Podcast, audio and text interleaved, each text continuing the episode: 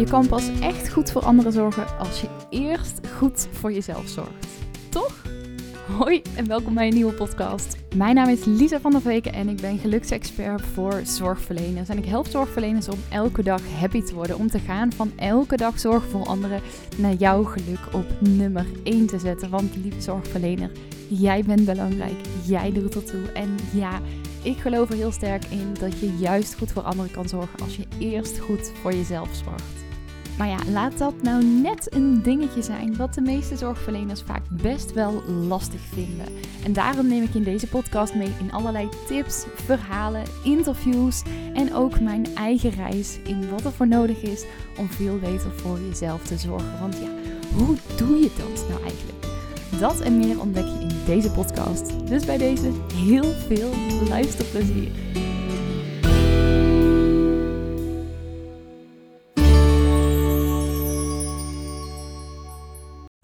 Hey, hey, hey, good morning of goedemiddag, goede avond wanneer je deze podcast ook luistert. Welkom bij weer een nieuwe aflevering van de Lisa van der Veken podcast. En Excuus. Mogelijk is het de eerste keer dat je luistert. Bij deze dan van harte, van harte, van harte welkom. Ik vind het superleuk dat je bent ingetuned. En ik hoop van harte ook dat je heel veel waarde uit deze aflevering. En misschien ga je er nog wel meer luisteren uit alle andere afleveringen mag halen. En misschien ben je al vaker uh, aan het luisteren geweest. Bij deze dan van harte welkom terug. Het is op dit moment uh, zondagavond, terwijl ik deze podcast opneem. En morgen, uh, op het moment dat deze podcast live komt, dan mag ik weer aan het werk als docent. Ik werk namelijk, mocht je mij nog niet kennen, ook als docent voor de Hogeschool van Amsterdam. Waar ik opleiding, of lesgeef aan de opleiding verpleegkunde. En morgen mag ik weer intervisie gaan geven aan jaar drie studenten. En studenten die op dit moment stage lopen en waarbij we tijdens de intervisie ook echt gaan bespreken van, joh, waar loop je nou voornamelijk tegenaan? En het niet alleen hebben over, zeg maar, praktische zaken, casuïstiek waar ze tegenaan lopen. Dat ze denken, ja, hoe moet ik dit doen bij die ene patiënt? Maar voornamelijk ook echt stilstaan bij het stukje persoonlijke uitdagingen. Dus hoe geef ik bijvoorbeeld mijn grenzen aan? Uh, hoe spreek ik me uit naar mijn begeleider toe? Hoe ga ik om met de afhankelijkheid als student? Uh, dat ik afhankelijk ben bijvoorbeeld van begeleiders op de werkvloer. Of uh, hoe ga ik ermee om als mensen dingen allemaal op een andere manier doen. En, en hoe vind ik daarin mijn eigen weg. Dat vind ik echt een van de allerleukste vakken om te mogen geven. En daarnaast heb ik heel veel nakijkwerk liggen van allerlei verschillende vakken. Waaronder uh, ik geef onder meer uh, les voor uh, eerstejaarsstudenten over evidence-based practice. Dus hoe kan je nou ook echt op het niveau van HBO-verpleegkundigen vanuit een wetenschappelijke blik ook kijken naar de praktijk. En daarin je handelen steeds meer verbeteren en optimaliseren. Maar ook geef ik les in de minor, SPZ, ehm, sociaal-psychiatrische zorg.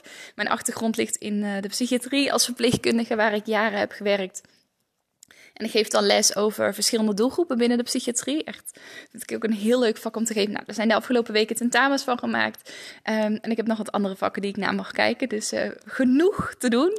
En dat terwijl ik ook nog ondertussen uh, allemaal super tof trouwens. Word ik heel blij van. Ook van het weekend weer. Uh, naar aanleiding van onder meer de publiciteit die er is geweest. Zo is afgelopen week een, een artikel geweest in RTL Nieuws. Ik heb een blog mogen delen op Kids Kirk, een heel groot platform voor ouders. Dus natuurlijk lokaal uh, is er heel veel, of regionaal heet het volgens mij officieel, is dat een en ander publiciteit geweest over mijn boek Kind, ik hou niet van jou. En uh, zijn er heel wat boeken ook besteld. Dus ik heb heel wat boeken ehm, ingepakt. Ik verzend ze allemaal zelf, dus ik vouw zelf ook samen met de kindje. Ik vind dat heel leuk om te doen. de verzenddozen, ik schrijf handmatig voor iedereen Ik schrijf met de hand voor iedereen ook een kaartje en ik verstuur ze dan allemaal zelf. Dus er zijn ook nog heel veel boekbestellingen binnengekomen. Die mag ik ook nog allemaal opsturen. Dus uh, genoeg te doen ook weer deze week. En naar aanleiding van uh, de, alle bestellingen van mijn boek dacht ik, oh, ik wil even iets met je delen. Namelijk, um, ik heb dankzij mijn depressie, uh, in mijn boek staat ook niet voor niks als ondertitel over hoe mijn postnatale depressie niet mijn allergrootste nachtmerrie, maar juist het beste geschenk ooit bleek te zijn. En dat is omdat ik dankzij mijn depressie heel veel dingen van mezelf heb ontdekt en heb geleerd en anders ben gaan doen die ik ja, ik durf mijn hand er bijna voor het vuur, in het vuur te steken. Waarschijnlijk nooit anders was gaan doen als ik die depressie niet had gehad. Voor mij was mijn depressie echt een soort van wake-up call. Dat ik echt dacht: wow, Lisa, je mag je leven echt anders in gaan richten. En even heel plat gezegd, geloof ik er heel sterk in. En, en iedereen mag hier natuurlijk op zijn eigen manier naar kijken. Maar um, je zou trouwens moeten zien welke handgebaren ik allemaal maak. Dat kan je natuurlijk niet zien als je dit luistert. Maar dat even tezijde, ik zit heel erg met mijn handen te praten, merk ik. Maar dat mijn depressie is veroorzaakt door twee grote factoren. En één factor daarin is uh, een traumatiserende bevalling, of in ieder geval delen uit mijn bevalling die voor mij traumatiserend zijn geweest. Zoals ik ook in, uh, in mijn boek beschrijf. Maar um, één is dus uh, een stukje traumatiserende bevalling. En twee is eigenlijk op basis van patronen die ik dus al heel lang leefde. Um, die ik al heel lang had, maar waar ik me eigenlijk niet bewust van was. En om die patronen even in één woord samen te vatten, zou ik zeggen: het komt voornamelijk door mijn perfectionisme.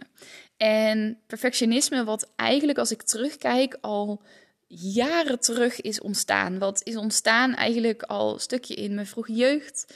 Um, heel kort, ik heb vroeger een klas overgeslagen. Ik ben halverwege groep 2 ben ik naar groep 3 gegaan. Um, daarbij heb ik al gemerkt dat ik ja, destijds niet zo'n aansluiting had met andere kinderen. Voelde ik me niet heel erg thuis, niet heel erg gehoord, gezien in de klas. Later in de laatste jaren, met name groep 7, 8 van de basisschool, en dat zette zich ook voort op de middelbare school, ben ik best wel wat gepest geweest. Ik heb eh, met eerste vriendjes niet hele fijne ervaringen gehad. En dat heeft zich uiteindelijk opgestapeld. En er zijn nog wel meer dingen gebeurd, maar dit zijn voor mij wel echt een aantal kerndingen dat het toe heeft geleid dat ik um, één heel erg de controle ben gaan zoeken. Um, dat ik heel erg alles op mijn manier ben gaan doen. Dat ik constant bezig ben geweest op een gegeven moment. Of ja, daar steeds meer in gegroeid ben. Dat ik heel erg anderen aan het pleasen was. Heel erg te voor anderen wilde zijn. Heel erg voor anderen wilde zorgen. En totaal niet bezig was met, maar wat heb ik eigenlijk nodig? Waar liggen eigenlijk mijn grenzen? Mezelf eigenlijk heel erg wegcijferde. Dat ik echt ook gewoon ja, heel erg sterk de gedachte en het gevoel had dat ik niet zoveel waard was, dat ik niet goed genoeg was. Ik had heel erg het gevoel van ik moet het allemaal in mijn eentje kunnen. Ik moet alles zelf doen, alles alleen doen. Ik wilde niet afhankelijk zijn van anderen. En dat kwam eigenlijk voornamelijk voort uit mijn perfectionisme. En ik geloof er heel sterk in dat die twee elementen, dus de bevalling en mijn perfectionisme, dat dat daar uiteindelijk heeft toe geleid dat ik in die depressie ben beland. Maar dat ook het aanpakken van die twee dingen. Um, enerzijds een stukje traumaverwerking door middel van EMDR bij de psycholoog. En vervolgens dus ook stilstaan bij dat stuk perfectionisme. Kijkend naar één, waaruit het zich allemaal in mijn leven. En vervolgens ook echt kijken naar wat is nou de oorzaak daarvan. En hoe kan ik die oorzaak zoveel mogelijk wegnemen. Dat dat ervoor heeft gezorgd dat ik in de jaren daarna, dit is niet iets wat van de een op de andere dag is ontstaan. Dit is ook niet wat ik in een maand gerealiseerd heb. Het heeft ook meer tijd nodig gehad dan een half jaar. Maar echt in de jaren daarna steeds meer los heb kunnen laten. En er steeds meer voor heeft gezorgd dat ik me gewoon, ja, ik durf nog steeds echt te zeggen, elke dag happy voel. Zelfs afgelopen week. En met momenten, en zal ik nog een aparte podcast over opnemen. Met momenten echt wel ook even overweldigd was. Dat het me even te veel was. Dat ik even gewoon. Het, mijn hoofd even heel vol zat. Ik heel erg weer in mijn hoofd zat. Durf ik nog steeds te zeggen dat ik ook op die dagen echt hele fijne momenten heb gehad. En echt het gevoel van, oh, ik voel me echt super happy vandaag. Ondanks dat dat dus niet de hele dag voortduurde. Want ja, mijn slogan is echt elke dag happy. En, en ik sta heel erg voor, uh, juist als je goed voor jezelf zorgt, dan kan je goed voor anderen zorgen, voor jezelf op nummer 1 zetten.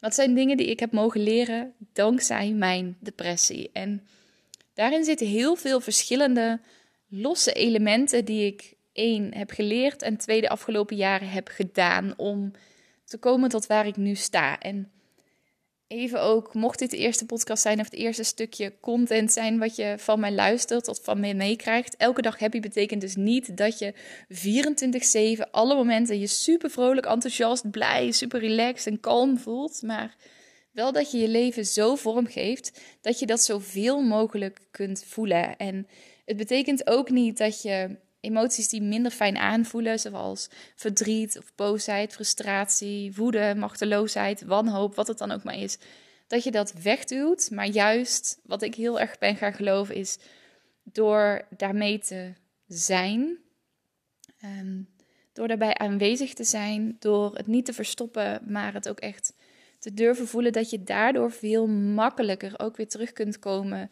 bij die rust, bij meer een fijn, dan is het misschien niet zozeer een high, extatisch, super enthousiast gevoel, maar wel kalmte en rust. En dat kan ook al gewoon heel veel ehm, happiness geven. Dat, dat juist, ja, ik, geloof heel erg, we kijken daar heel vaak van weg. Ik keek er in ieder geval heel vaak van weg, van dat soort emoties. En bear with me, want voor mijn gevoel ga ik alle kanten op, maar trust me, komt tot een punt. Um, maar dan juist door erbij te zijn en, en het niet weg te stoppen als zijnde een bal die je zeg maar steeds onder water probeert te duwen van ik wil dit niet voelen, want dat was wat, heel erg wat ik vroeger deed. Dat daardoor die emoties ook veel sneller weggaan. Dat hoe meer we het zeg maar niet willen voelen, hoe langer en hardnekkiger ze aanwezig blijven.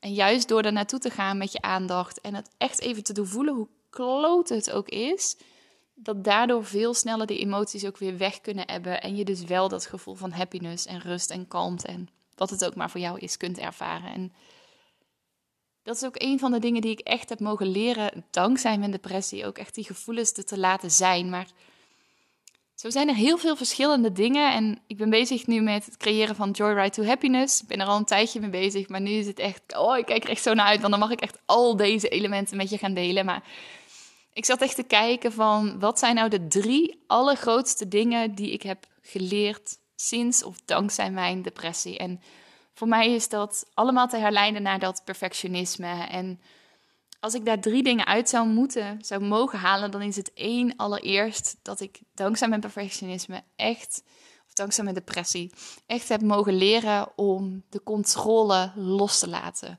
Om überhaupt los te durven laten.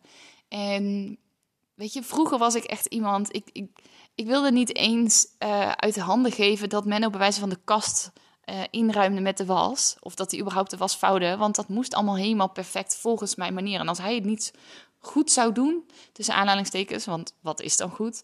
Um, dan kreeg ik al error in mijn hoofd. Ik was zo bezig om de controle overal op te houden dat op het moment dat er iets moest gebeuren, bijvoorbeeld in het werk, er moest een stuk uitgewerkt worden. Ik heb jarenlang ook bijvoorbeeld in de ondernemingsraad gezeten. En als er dan iets uitgewerkt moest worden, dat ik ofwel daar echt 20, 30 uur mee bezig kon zijn, waar iemand anders er misschien een half uur mee bezig zou zijn, omdat ik zeker wilde weten dat alles helemaal klopte, helemaal tot in de puntjes zo perfect zou zijn. Ofwel dat ik het zo lang uitstelde dat het eigenlijk veel te laat was om er überhaupt nog mee aan de slag te gaan, gewoon omdat ik zo bang was dat het niet goed genoeg zou zijn. Zo erg was ik daarmee bezig, ook in mijn werk. Weet je, dan deed ik dingen wel, want ja, als verpleegkundige moet je wel gewoon handelen. Maar dan uitte het zich vooral in dat ik de hele tijd mezelf allerlei verwijten maakte. Dat ik het niet goed deed en het perfecte moest doen. En dat ik constant, zeg maar, heel erg aanstond, heel geconcentreerd was. En het allemaal wel zo goed mogelijk wilde doen. En dan ook heel erg de verantwoordelijkheid voelde, ook voor iemand anders, om het allemaal goed te doen. En ik heb echt mogen leren in de afgelopen jaren om dat stukje controle langzaam meer los te laten. Want Waar ik bijvoorbeeld achter kwam was, zonder dat ik het in de gaten had, dat het mij heel, heel, heel veel energie kostte om steeds overal die controle op te willen houden. Ik was ook al jaren super, super, super moe. Ik stond moe op, ik ging moe naar bed en ik had nooit een idee waar dat nou echt vandaan kwam. Weet je, dan, dan ging ik het in oplossingen zoeken als dat ik gezonder ging eten of meer ging bewegen of gewoon heel praktisch mijn moeheid aan wilde pakken. Maar die moeheid is juist veel meer verdwenen, omdat ik heb geleerd om die controle los te laten. Omdat dat me dus blijkbaar zo ontzettend veel energie kostte, terwijl ik het eigenlijk niet door had. En wat ik je wel kan zeggen is dat um, dat voor mij ook niet van de ene op de andere dag is gegaan. Het is niet zo, kijk, een van de grootste angsten die ik bijvoorbeeld altijd had, en dat was voor mij echt ultiem controle loslaten, was springen uit een vliegtuig. Ik snapte nooit hoe mensen dat konden doen. Dat je echt letterlijk gewoon volledig de controle, letterlijk van je leven uit handen geeft. Dat je leven afhangt van hoe iemand anders op tijd de parachute opent of ervoor zorgt dat je een veilige landing hebt. Ik snapte dat niet en tegelijkertijd voelde ik al heel lang zo'n heel sterk verlangen om dat wel te doen. Dat ik dacht, maar als ik dat ooit zou durven, joh, dan durf ik alles. En nou bleek dat achteraf niet helemaal het geval te zijn, maar het heeft me wel heel veel gebracht om dat uiteindelijk te doen. Maar het is niet zo dat ik dat zeg maar een maand nadat ik me weer een beetje oké voelde, dat ik dat heb gedaan. Daar hebben heel veel stapjes tussen gezeten, want ik ben dus uiteindelijk wel Um, ik zit even te denken, niet afgelopen jaar, maar het jaar daarvoor. Gijs was nog een baby, dus ik denk nu twee jaar geleden. Ben ik dus wel samen met Menno gaan, uh, gaan skydiven. Ja, ik, was, ik dacht even bungee jump, maar skydive is het goede woord. Maar daar hebben heel veel stapjes tussen gezeten. En ik ben echt heel langzaam, beetje bij beetje bij beetje, dankzij ook de stappen die ik met je deel in die workshop en ergens in de komende week in een podcast nog met je alvast een klein stukje zal delen, ben ik de controle los gaan laten. En heeft het mij gebracht dat ik daardoor vooral heel veel meer energie over had om dingen te doen waar ik blij van werd. Heeft het me gebracht dat ik veel meer rust en ruimte in mijn hoofd ben gaan voelen. Dat ik niet meer de hele dag aan het piekeren was. En dat is echt iets wat ik heb geleerd dankzij mijn depressie. Een van de andere dingen die ik ook heel erg heb mogen leren, of misschien zelfs heb moeten leren in positieve zin van het woord, en ik houd nooit zo van het woordje moeten, is dat ik heb geleerd om mijn grenzen aan te geven. En ik was vanochtend, nee, niet vanochtend. Oh, ik, mijn tijd in mijn hoofd is echt. Uh, ik heb zoveel gedaan afgelopen week dat mijn tijdslijn niet meer helemaal, uh, niet meer helemaal klopt. Maar ik was van de week met iemand aan het. Uh, aan sparren daarover. En ook naar aanleiding van iets. Um, ik heb eerder een podcast opgenomen. Ik denk misschien zelfs 10, 20 afleveringen geleden over grenzen aangeven en waarom het heel belangrijk is. Um, over grenzen aangeven en hoe lastig ik dat altijd vond. En dat ik ook bij mezelf besefte van ja, ik gaf wel altijd mijn grenzen aan. Alleen ik gaf het pas aan op het moment dat ze eigenlijk al lang overschreden waren. Dat ik eigenlijk al 10, 20, 30, misschien zelfs 500 keer mijn grenzen over was gegaan. Of dat iemand anders al heel vaak mijn grenzen over was gegaan. En dan gaf ik het aan op het moment dat ik het echt niet meer trok. En je hoort het misschien al aan mijn stem, maar dan was het ook echt zo dat ik dacht: en nu is het klaar, zeg maar. En dan gaf ik op die manier mijn grenzen aan. Misschien herken je dit ook wel van jezelf, maar wat ik echt heb mogen leren is dat het dus heel belangrijk is om allereerst bij jezelf te weten: één, waar liggen mijn grenzen eigenlijk? Want ik dacht dat, dat op het moment dat ik het dus aangaf, dat daar mijn grens lag. Maar mijn grens bleek al veel eerder vaak te liggen. Die, mijn grens bleek al veel eerder overschreden te zijn. Maar ik had dan op dat moment vaak niet door dat daar eigenlijk mijn grenzen lagen. Dus ik heb allereerst mogen leren bij mezelf en dat, zat er bijvoorbeeld heel praktisch in, in, in, dat ik dan bijvoorbeeld eigenlijk rust nodig had, maar dat ik dacht: nee, maar die heeft nog dit aan mij gevraagd, of dit moet eigenlijk nog wel gedaan worden in huis, of ik moet dit nog even regelen voor die. En ehm, dat ik wel rust nodig had, maar dat ik dat dan niet aangaf, want ik had nog dit en dit en dit te doen. Want ik wilde anderen wel tevreden houden. En wat zouden anderen er wel niet van denken als ik mijn grenzen aangaf? En dat ik daardoor zoveel mijn grenzen over ben gegaan, dat ik dus eigenlijk niet eens meer wist waar mijn grenzen lagen. Dus die heb ik echt opnieuw mogen leren herkennen. En vervolgens dus ook al in een veel vroeger stadium mijn grenzen aan mogen geven. En dat leidde er onder andere toe dat ik dus niet mijn grenzen aangaf pas op het moment dat ik dacht, en nou is het klaar. En dat ik dat dus echt vanuit frustratie deed en vanuit boosheid vaak deed. En, of vanuit heel erg veel verdriet, van en nou is het klaar en ik trek het niet meer. En dat mensen echt dachten: wow, wat gebeurt er nu? Weet je, deze had ik echt totaal niet aanzien komen. En dat ze dus ofwel gefrustreerd reageerden, ofwel totaal niet empathisch reageerden. En dat op het moment dat ik dus eerder mijn eigen grenzen leerde herkennen en ze ook aan ging geven, dat ik dat vanuit veel meer rust kon doen en ook veel beter kon verwoorden waarom het voor mij bijvoorbeeld even te veel was of wat maakte dat daar voor mij een grens lag. En dat mensen daardoor ook met meer compassie konden reageren. En ook vroegen bijvoorbeeld: Oh, mama, wat heb je dan nu nodig? Of waarin kan ik je helpen? Of dat als ze dat niet vroegen, dat ik dat beter zelf aan kon geven. En dat er dus één ook meer hulp aangeboden werd. En ik ook makkelijker hulp kon accepteren. En voor mij is dat echt wel misschien nog wel de grootste winst geweest. Eén, ik heb veel beter contact daardoor met mensen. Want in plaats van dat ik ze af en toe op de kast joeg. Of dat ze dachten, wow, wat gebeurt hier? Uh, Lisa zit er even helemaal doorheen. Wat moet ik hier zeg maar mee?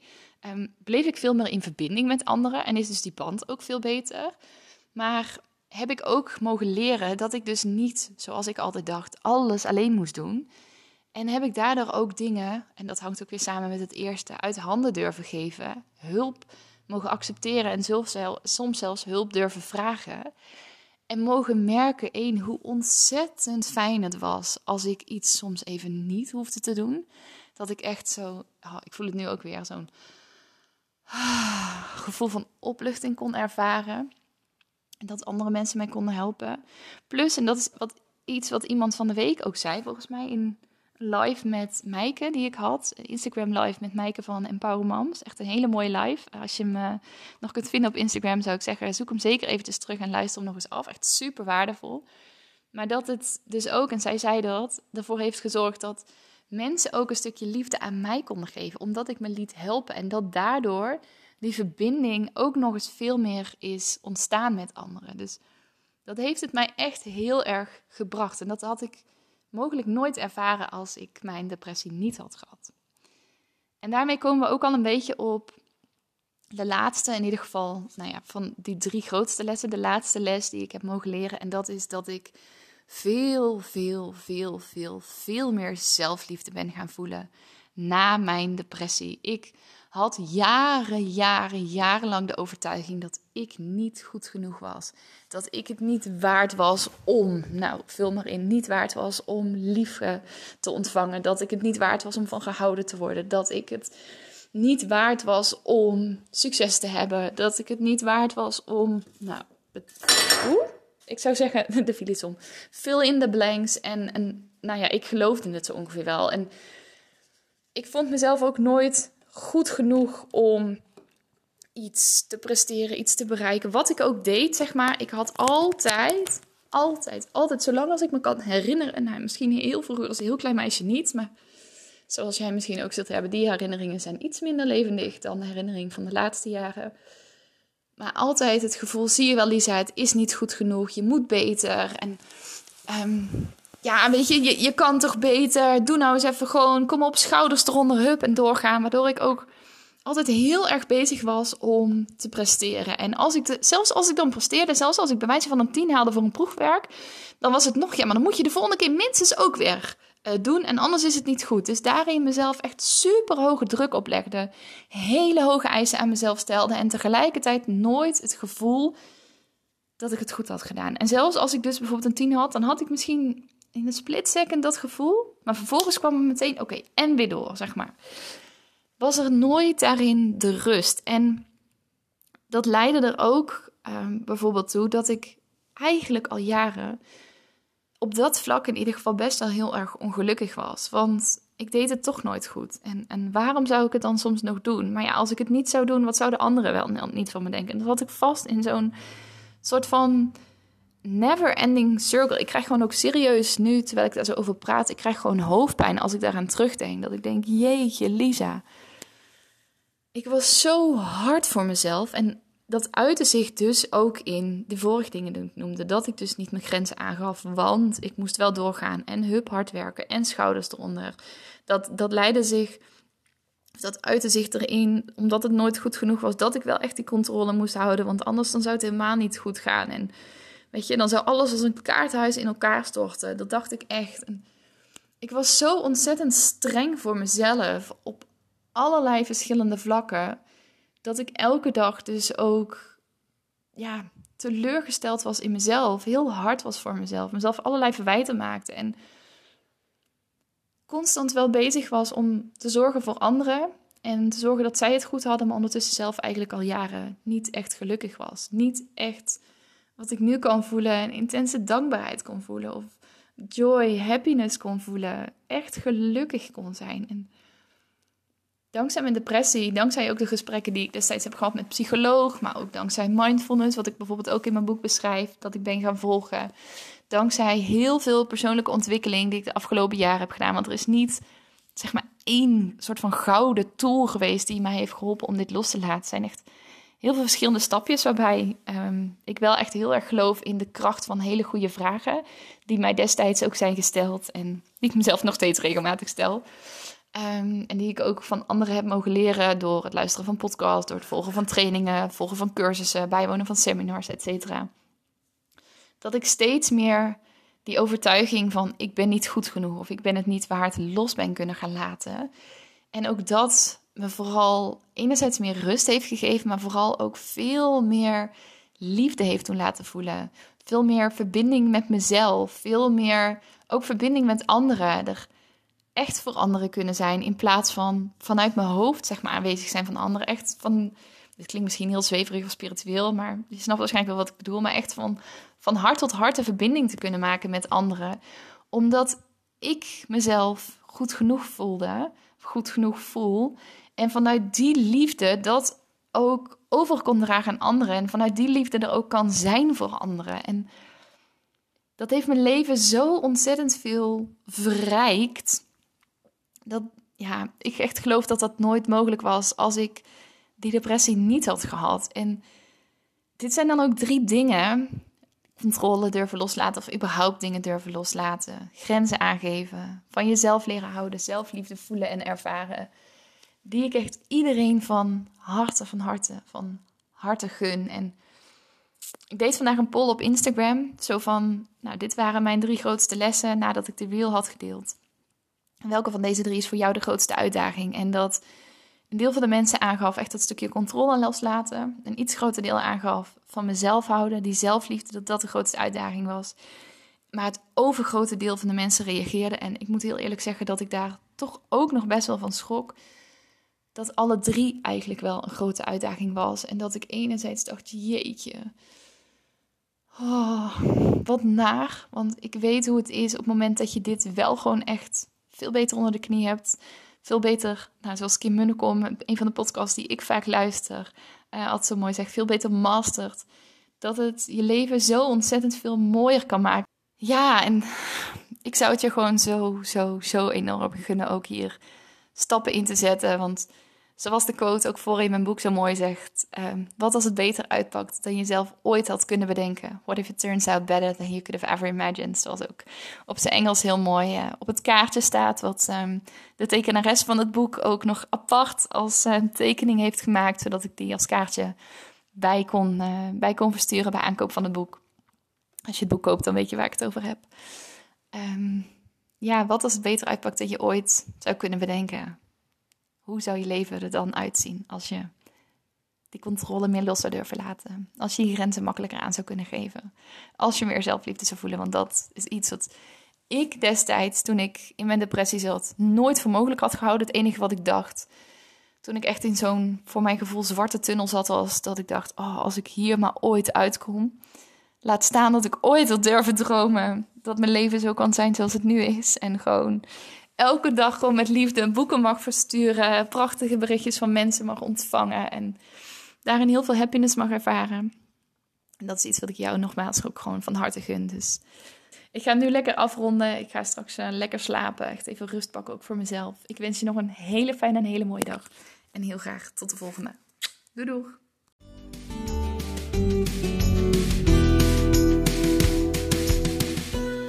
Yes, en dat was hem dan alweer. Mocht je nou nieuwsgierig zijn naar meer, check dan eventjes lisavanderweken.nl of zoek me op op Instagram, @lisavanderweken. Als je deze podcast nou super tof vindt, abonneer je dan vooral eventjes en laat een korte review achter op iTunes of op Spotify als je daar 30 seconden hebt geluisterd. Dan uh, kan je daar de aflevering een aantal sterren geven. Als je hem 5 sterren zou willen geven, zou ik dat ontzettend waarderen. Want daardoor kan de podcast weer verder verspreid worden en kunnen veel meer mensen veel dichter bij zichzelf komen en ook dat fijne, gelukkige, vervulde leven gaan leven.